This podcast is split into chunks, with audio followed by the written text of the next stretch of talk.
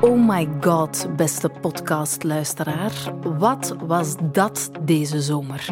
Het zonnetje scheen lustig, dus je installeerde je buiten met een boekje, drankje, eventueel een klein aperitiefplankje erbij en ja, daar waren ze. Die zwart-gele duvels. En ja, dan heb ik het over wespen. Mega irritant.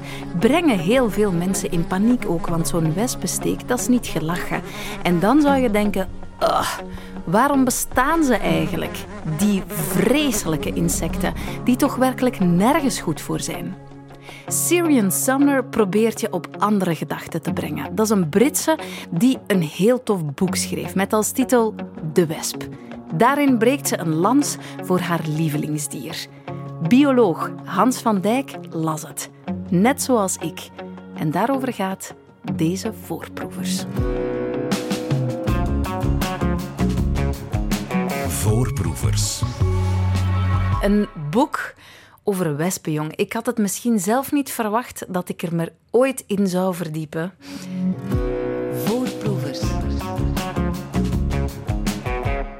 Maar toen ik ook in grote letters op de kaft las waarom we van wespen zouden moeten houden, was ik gebeten door het boek De Wesp, of beter geprikt of gestoken. Bioloog Hans van Dijk, goedenavond. Hey, goedenavond Linde. Leuk dat je er bent uh, om het te hebben over dat schitterende boek. Hetgeen het is, geschreven door Syrian Sumner. Um, zij beweert dat we dus van wespen zouden moeten houden. Straffe uitspraak, denk ik. En ik denk dat heel veel mensen die nu luisteren de wenkbrauwen fronsen. Jij las het boek, net als ik. Je was enthousiast, hè? Ja, ja, klopt. Het is een fantastisch boek. Omdat ze die... De wesp bestaat natuurlijk niet. Voor veel mensen denk je van, oh ja, de wesp.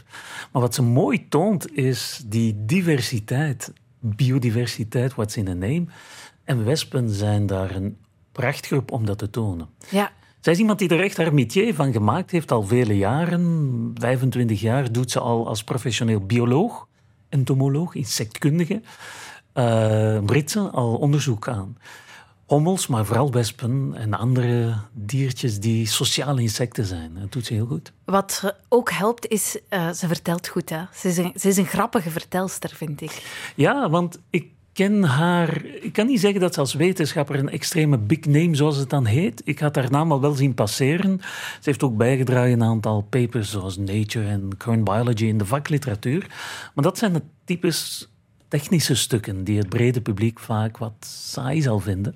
Maar hier kom je dan ja, echt een schrijfster, een auteur tegen die heel onderhoudend en geestig vooral kan schrijven. Ja, het is een heel toegankelijk, vaak amusant boek ook. De verhalen over de wespen helpen natuurlijk.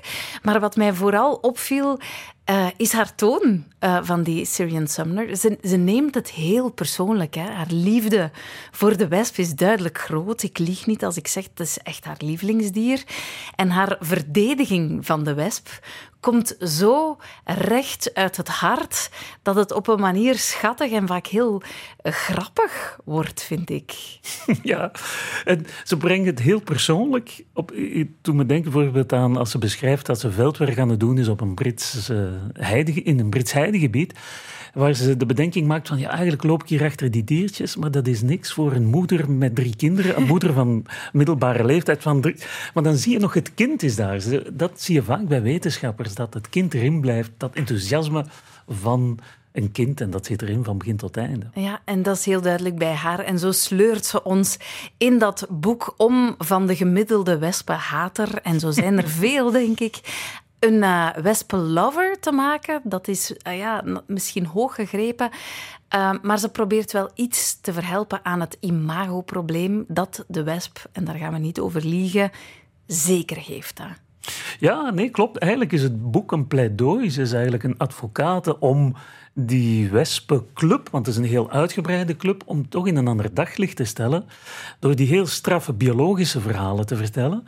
Maar ook een soort ja, dat ook te plaatsen binnen een cultureel kader. Ik vond zo bijvoorbeeld geweldig wat ze op een gegeven moment organiseert ze een denkbeeldig diner met Aristoteles, die zij kennelijk Aris mag noemen. Ja. dat is een mooie truc om om ook mensen die misschien niet meteen wild zijn, toch mee te nemen in je verhaal. Dus Ja. en ik denk, ik heb gemerkt bij jou dat het dan toch ge- gewerkt heeft. Ja, op een of andere manier wel. Maar dat, dat imagoprobleem van de wesp, ehm, waar komt dat eigenlijk vandaan? Ja, dat is eigenlijk verrassend, want de bij, die eigenlijk ook een getransformeerde wesp is, zou je wel kunnen, kunnen stellen, dat is zo de, de goede van de klas. De wespen zijn dan de bad guys. En eigenlijk moet, moet ik zeggen bad girls, want het zijn vooral als ze langskomen op jouw terras, waar je naar verwees, het zijn meisjes, het zijn de, de, de werksters die, die dan even langskomen.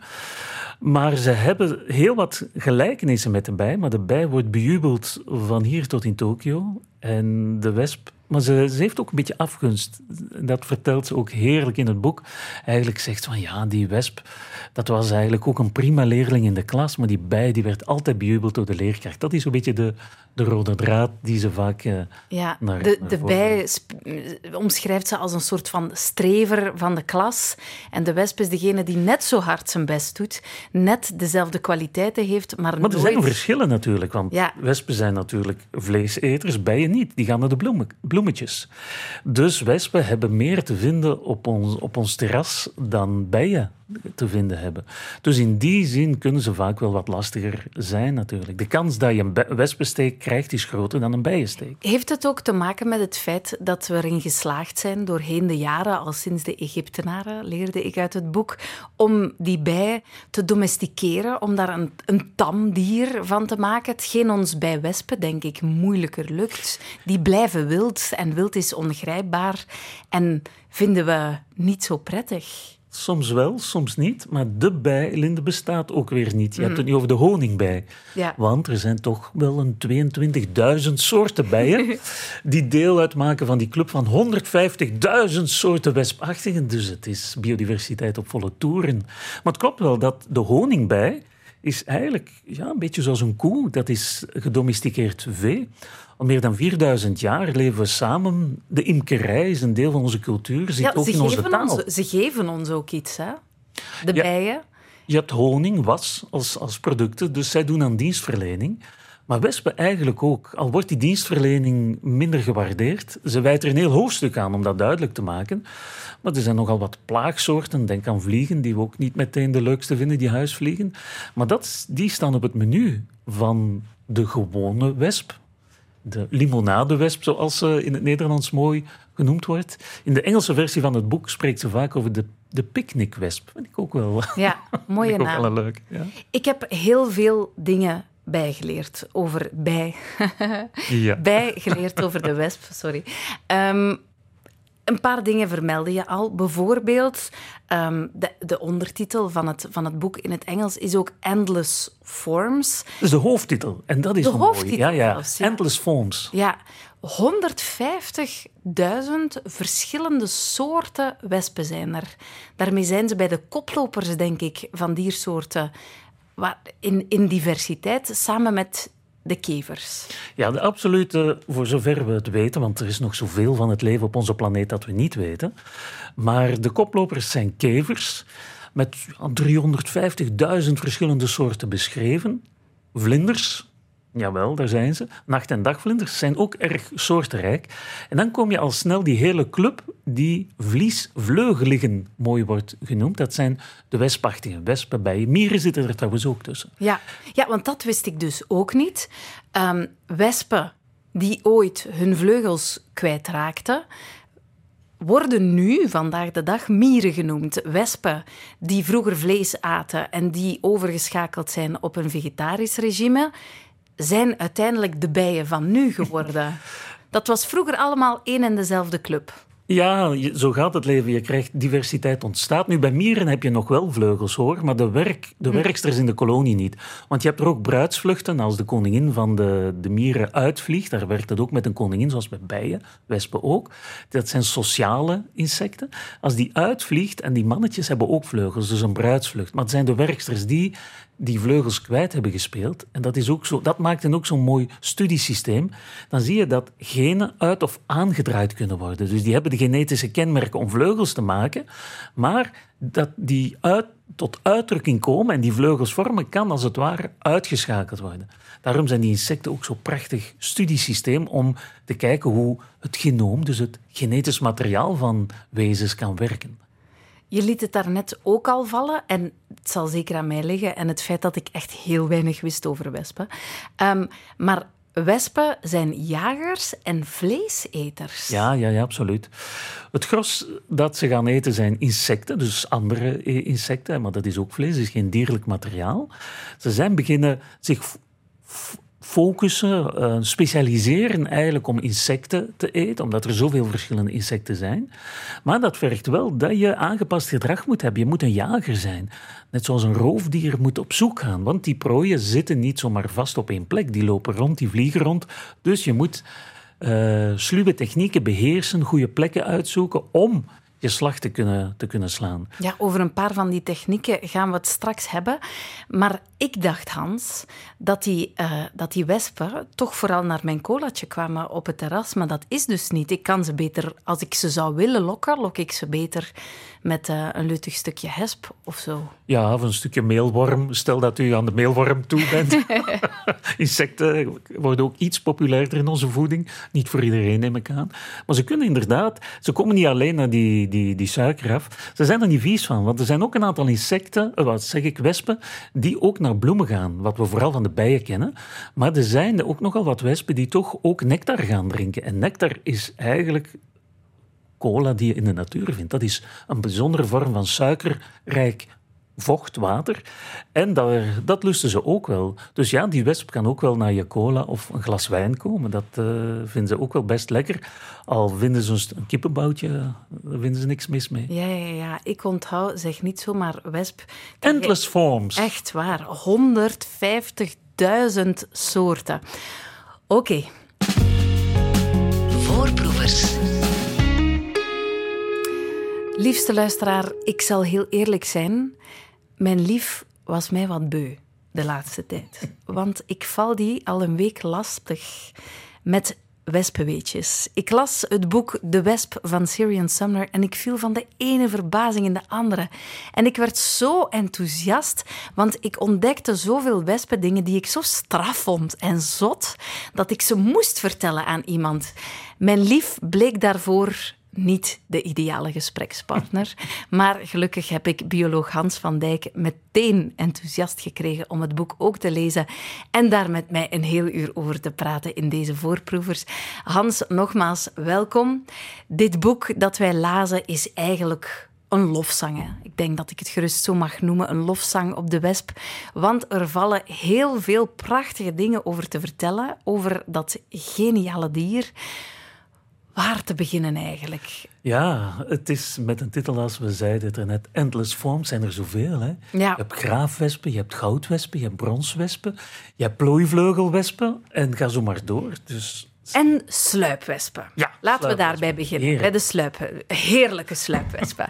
Die leggen hun eieren op levende organismen die ze dan van binnenuit laten opeten door hun larvenbaby's. Ja, klopt. Zij zorgen voor babyvoeding. Het zijn goede moeders. Zij zorgen voor een meer dan lekkere hap voor hun broed. En dan is een sappige rups of een sappige kever wel een goed plan. Ik had van die strategie nog nooit gehoord zelfs. Ja, het heeft wel iets van X-Files, want ze gaan het eitje, sommigen leggen het eitje op een ander insect, denk een rups, daar kan je iets bij voorstellen erbovenop. Soms gaan ze er ook in leggen en dan zit dat eitje en die kleine uh, ontwikkelende larve in een levend ander insect. En die kan die dan levend opeten van binnenuit.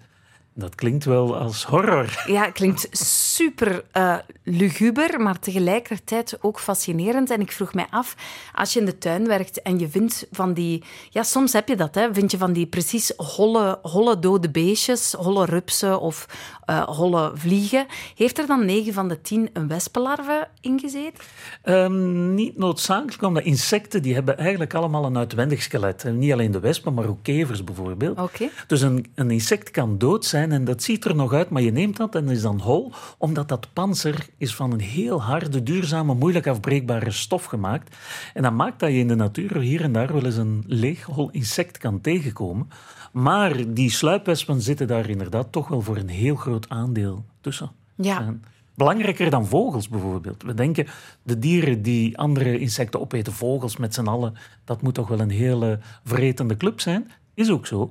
Maar ze verbleken in het niets tegenover wat al die sluipwespen samen eh, verdelgen, Ja. als we dat zo kunnen noemen. Een diertje dat mij ook echt misschien nog het meest van allemaal heeft gefascineerd en heeft doen rillen van de horror, was de juweelwesp, of zoals het in het boek ook genoemd wordt, de kakkerlakwesp. Een wesp die eh, jaagt op kakkerlakken, maar die daar echt een zotte strategie voor gebruikt. Ik ga het jou laten uit- Ja, uitleggen. droom je er al s'nachts van? Nog geen nachtmerrie op het Nog, randje? nee, ik, maar het, het heeft mij zo gegrepen, dat verhaal van die juweelwesp, dat ik wel op YouTube ben gaan zoeken van wauw, Ja, hoe ziet dat eruit? Misschien moet je het even vertellen, want het is Ja, dus ongelooflijk. wat die, die wesp doet is, je kan als wesp een klein diertje bijvoorbeeld prikken en als prooi nemen.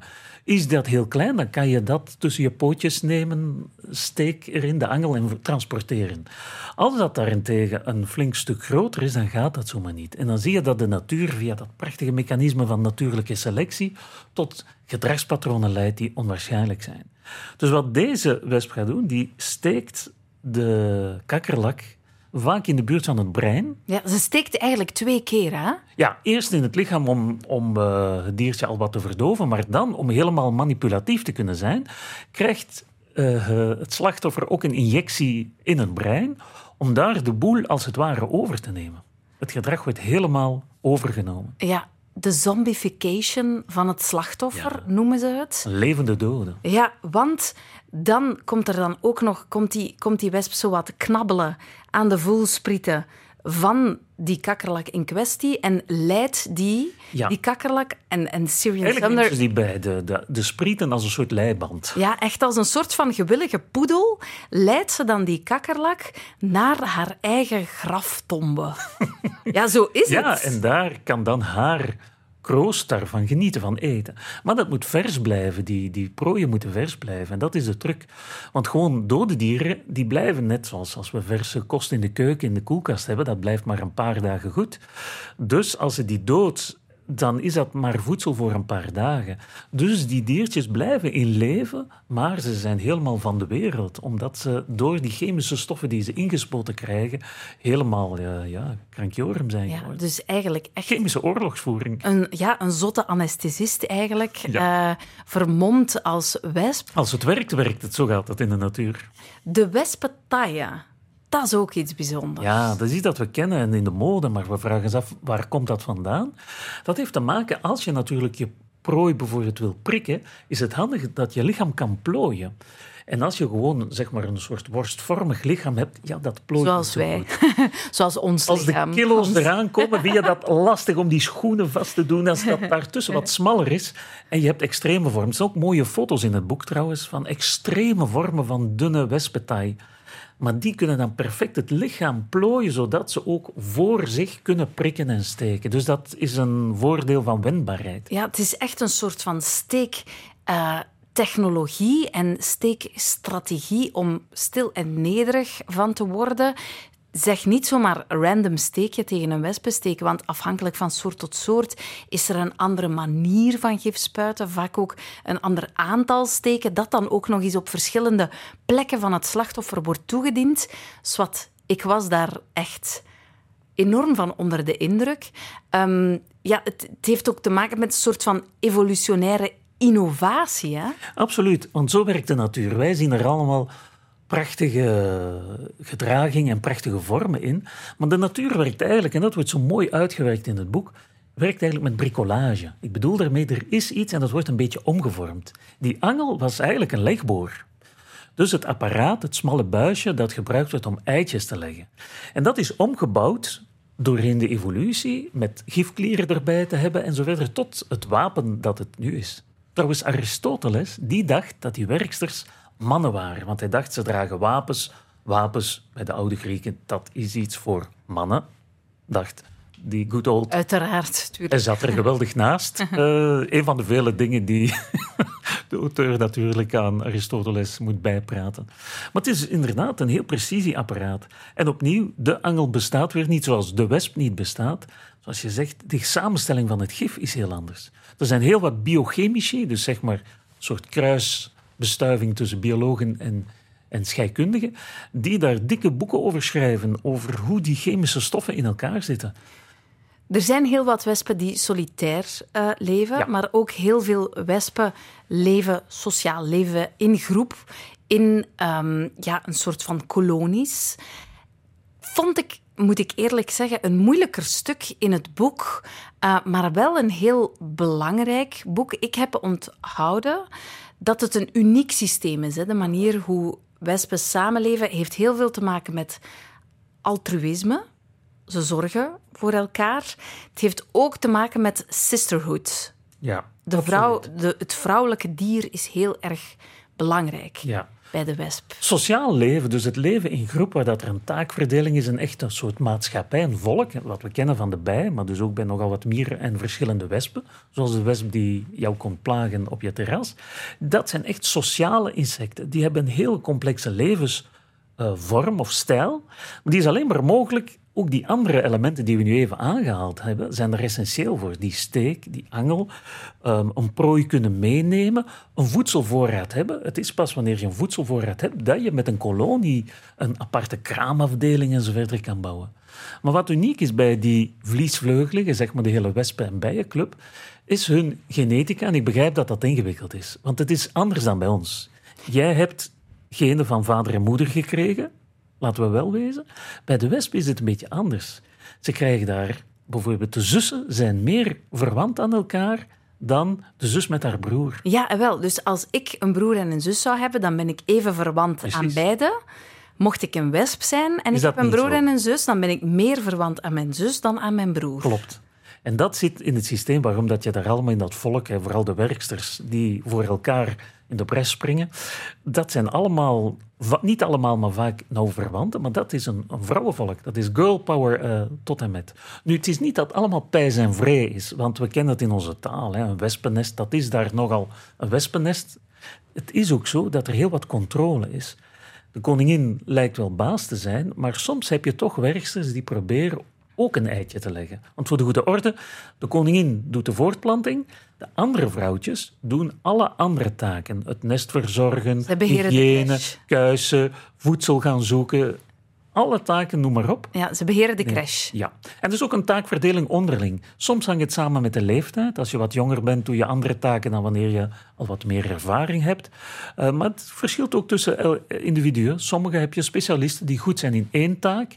Anderen kunnen het allemaal een beetje. En je hebt een mengelmoes van strategieën ook binnen die, die kolonies. Hans, we moeten het nog over zoveel dingen hebben. Wespen die drugs kunnen opsporen, die Ja. bommen kunnen vinden. Wespen die papier kunnen maken en daar hun verschillende soorten papier van kunnen maken en daar hun wesp, wespennest mee maken. Wespen die lastige insecten bestrijden, die meehelpen met de bestuiving. We hebben tijd tekort. Dat is zo. Maar morgen is het Werelddierendag, 4 oktober. Dus we hebben al vaak aandacht voor honden en katten. Er is niks mis met honden en katten.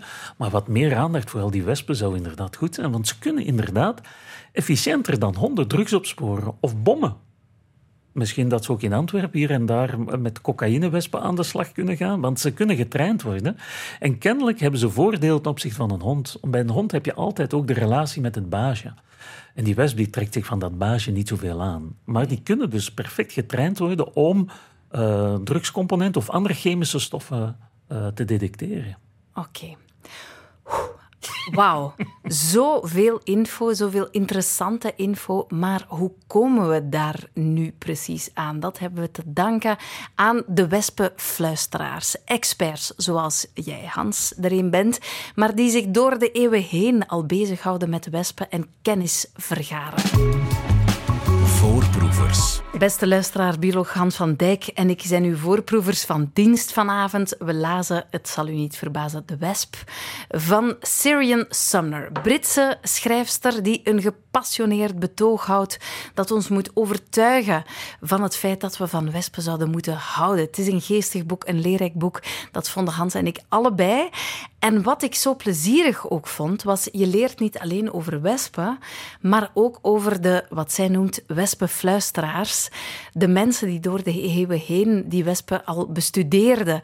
Over hen wordt eigenlijk schitterend verteld, hè, Hans? Ja, en biologen doen dat vaak te weinig om zeg maar, de making-of, hun geschiedenis uh, te boek te stellen. Iemand die dat bij vogels schitterend doet, is Tim Burkhead bijvoorbeeld, die nu pas ook weer een nieuw boek uit heeft. Maar bij insecten gebeurt er nog te weinig. En zij doet dat ook schitterend. Maar dat geeft ons ook één, dat zijn heerlijke verhalen. Maar twee, dat schept ook gelijkenissen en verschillen tussen de pioniers die echt van niks wisten en proberen uit te zoeken van hoe zit dat in elkaar.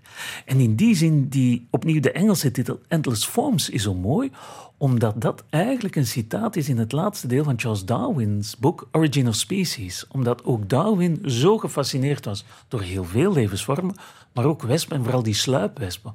Omdat dat dingen zijn die je zomaar niet met scheppingsverhalen goed kan verklaren, om dat soort gestoorde, tussen aanhalingstekens, strategieën te kunnen verklaren. Een van de mensen die ik leerde kennen dankzij dit boek was de Fransman Fabre, maar ook het uh, koppel George en Elizabeth Peckham, een Amerikaans koppel dat rond dezelfde periode werkte. We spreken dan over uh, begin jaren 1800 uh, tot 1900. Ja, ik las over hen en ik zag ze bij wijze van spreken voor mij in het wild hollen over de heide door de weide, want zo gebeurde het blijkbaar ook echt. Die achtervolgde insecten om dat gedrag in kaart te brengen. Ja, iemand als Jean-Henri Fabre die ging niet alleen op het veld veel onderzoek doen, maar hij bracht ze ook naar huis. En dan in zijn studeerkamer, en dan gebruikte hij soms materiaal vanuit de keuken, want ja, op dat moment was hij nog niet zo uitgerust zoals we dat nu zelf zijn, had hij eigenlijk ook bokalen vanuit de keuken om die dieren in te houden, om ze heel goed te kunnen observeren met een vergrootglas. En bijvoorbeeld te kunnen kijken hoe ze bepaalde dieren steken en aanvallen. En dan was het een kwestie, vond ik een briljant verhaal, van niet in slaap te vallen. Het kan soms duren. Want in die tijd hadden ze natuurlijk nog geen cameraapparatuur om gewoon een filmpje te maken en te kijken oei, ik heb blijkbaar iets gemist, wat is hier precies gebeurd? Die mensen moesten wakker blijven om ja, niks te en soms om met kaarslicht. En hij, maar hij beschrijft het ook mooi, want iemand als Fabre die heeft ook tien boeken souvenir entomologiek geschreven, waarin hij ook spreekt over de choreografie van die wespen, van hoe ze eigenlijk... Hij was ook schrijver. Je zag in, bij die pioniers vaak dat ze... Nu zit dat vaak uit elkaar. Hè? Biologen, wetenschappers aan de ene kant, schrijvers. Gelukkig, zoals deze dame, komt het terug bij elkaar.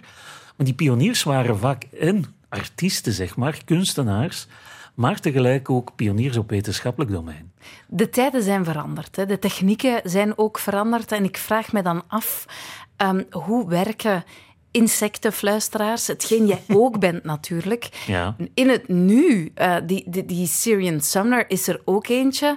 Zij vertelt over een paar technieken die zij nu gebruikt. De tijden zijn veranderd. Tijden zijn veranderd, maar sommige dingen veranderen niet. Dus als je ziet de passie, de verwondering die je vindt bij die pioniers, ik denk dat die nog altijd bijna dat kinderlijke, niet kinderachtig, maar kinderlijke vermogen om te staren, te kijken, willen begrijpen, dat is er nog altijd. Heel veel tijd erin investeren om goed te observeren, dat blijft nog altijd. Maar we hebben nu natuurlijk technologie en methoden waar dat de Fabres en Darwins van deze wereld zouden alleen maar van kunnen dromen. Denk aan, er zijn simpele dingen die ze ook al deden, die we nog altijd doen. Bijvoorbeeld nummertjes of codes brengen, schrijven op, ik vaak op vlinders, hier op wespen.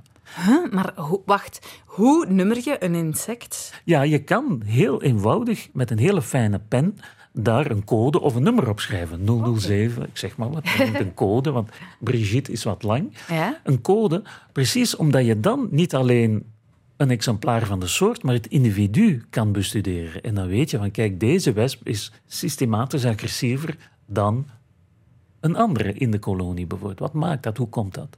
Maar je kan verder gaan, en dat zie je nu, en dat heeft ook uh, zij heel mooi gedaan, al, al vele jaren geleden, door bepaalde soort zendertjes op de rug van die wespen te kleven, waardoor we ze van op afstand kunnen, kunnen volgen van blijven ze in hun kolonie. En zij bijvoorbeeld, dat was baanbrekend werk, getoond dat sommige van die wespen wel eens op bezoek gaan bij de buren en daar een beetje gaan helpen. Men dacht vroeger van dat lukt niet, dat kan niet. Blijkbaar doen ze dat wel. En als je dan geen telegeleide wespen, want dan stuur je zelf, maar wespen die je van op een afstand kan volgen en echt tracken, volgen, dat soort technologie wordt nu veel gebruikt, ook bij insecten. Bij vogels gaat dat makkelijk. Zo zien we dan burenliefde bij wespen en zien we dat ze eigenlijk toch wel het verdienen om hen ook af en toe toch met een zekere sympathie te bejegenen. Ja, er zijn ook lastigaards die echt wel betekenisvol zijn en belangrijk werk. Hè. Soms mm. heb je dwarsliggers en lastigaards nodig. En uh, je kan er ook van genieten als je een verhaal kent. Als je een beetje door die eerste... Want sommige van die insecten zijn best wel lastigaards, maar er is veel meer in het verhaal dan alleen dat. Beste Hans, jouw specialiteit, dat zijn natuurlijk lieflijke vlinders. je hebt nu dit, dit boek gelezen, vol enthousiasme over de, over de wesp. Zou je ooit durven of willen switchen? Position switch. Dat is te veel gevraagd, denk ik. Ja, nee, maar eigenlijk doe ik ook onderzoek aan, aan sprinkhanen. We doen ook onderzoek aan vogels. Dus ik ben wel een beetje de vlinderprofessor qua stempel die op mijn hoofd staat. Maar uiteindelijk willen we iets van het leven begrijpen. Levensvormen. Endless forms, wat zij ook wil doen. En uiteindelijk zie je dat er toch heel wat relaties ook zijn tussen vlinders en wespen. Dus eigenlijk zijn we al bezig met, met wespen om te kijken welke verbanden ze hebben of impact ze hebben op vlinders. Dus we doen dat al. Ik vond het toch heerlijk om met jou over wespen te praten vanavond. Waar ben jij nu mee bezig als je geen boek aan het lezen bent over wespen voor mij? Uh, vooral gedragsonderzoek en niet alleen in het veld, maar ook in het laboratorium. Dus wij bouwen ook arena's, ook dat is wat kunstzinnig. We bouwen arena's om het gedrag het leervermogen van vlinders bijvoorbeeld te testen. Ook persoonlijkheidskenmerken, dat is ook iets dat we denken van god, hoe kan dat nu? Maar ook wespen, maar ook vlinders hebben een brein, hebben daarin structuren zitten waaruit blijkt dan dat ze heel wat kunnen leren. We maken er geen mensjes van, maar als je dat gedrag in detail bestudeert, dan zie je toch wel dat heel wat kenmerken die wij associëren met de Homo sapiens club, toch vaak heel wat meer verspreid zijn, zelfs bij die fascinerende insecten. Je hebt al een heerlijk boek geschreven over vlinders, het orakel van de bosnimf. Uh, aanrader voor iedereen. Um, wat is het volgende project? Waar ben je nu mee bezig? Um, er gaat binnenkort een herdruk komen, zowaar. En normaal zou die ook in het Frans moeten verschijnen, want ik zit beroepshalve ook nogal in een Franse omgeving, dus niet alleen in mijn eigen moedertaal, maar in het, in het Frans. Maar we zitten eigenlijk met zoveel projecten. Hè. Een, een, never-ending story is dat, uh, dat onderzoek dat we allemaal moeten doen. Dus we zijn nog heel wat aan het onderzoeken over die sprinkhanen en de vlinders. Dag- en nachtvlinders. Oké. Okay. Trouwens. Voorproevers. Dit was Voorproevers, een podcast van Radio 1 over een waar verhaal en met een interessante mens. Al onze afleveringen kan je beluisteren via de VRT Max-app.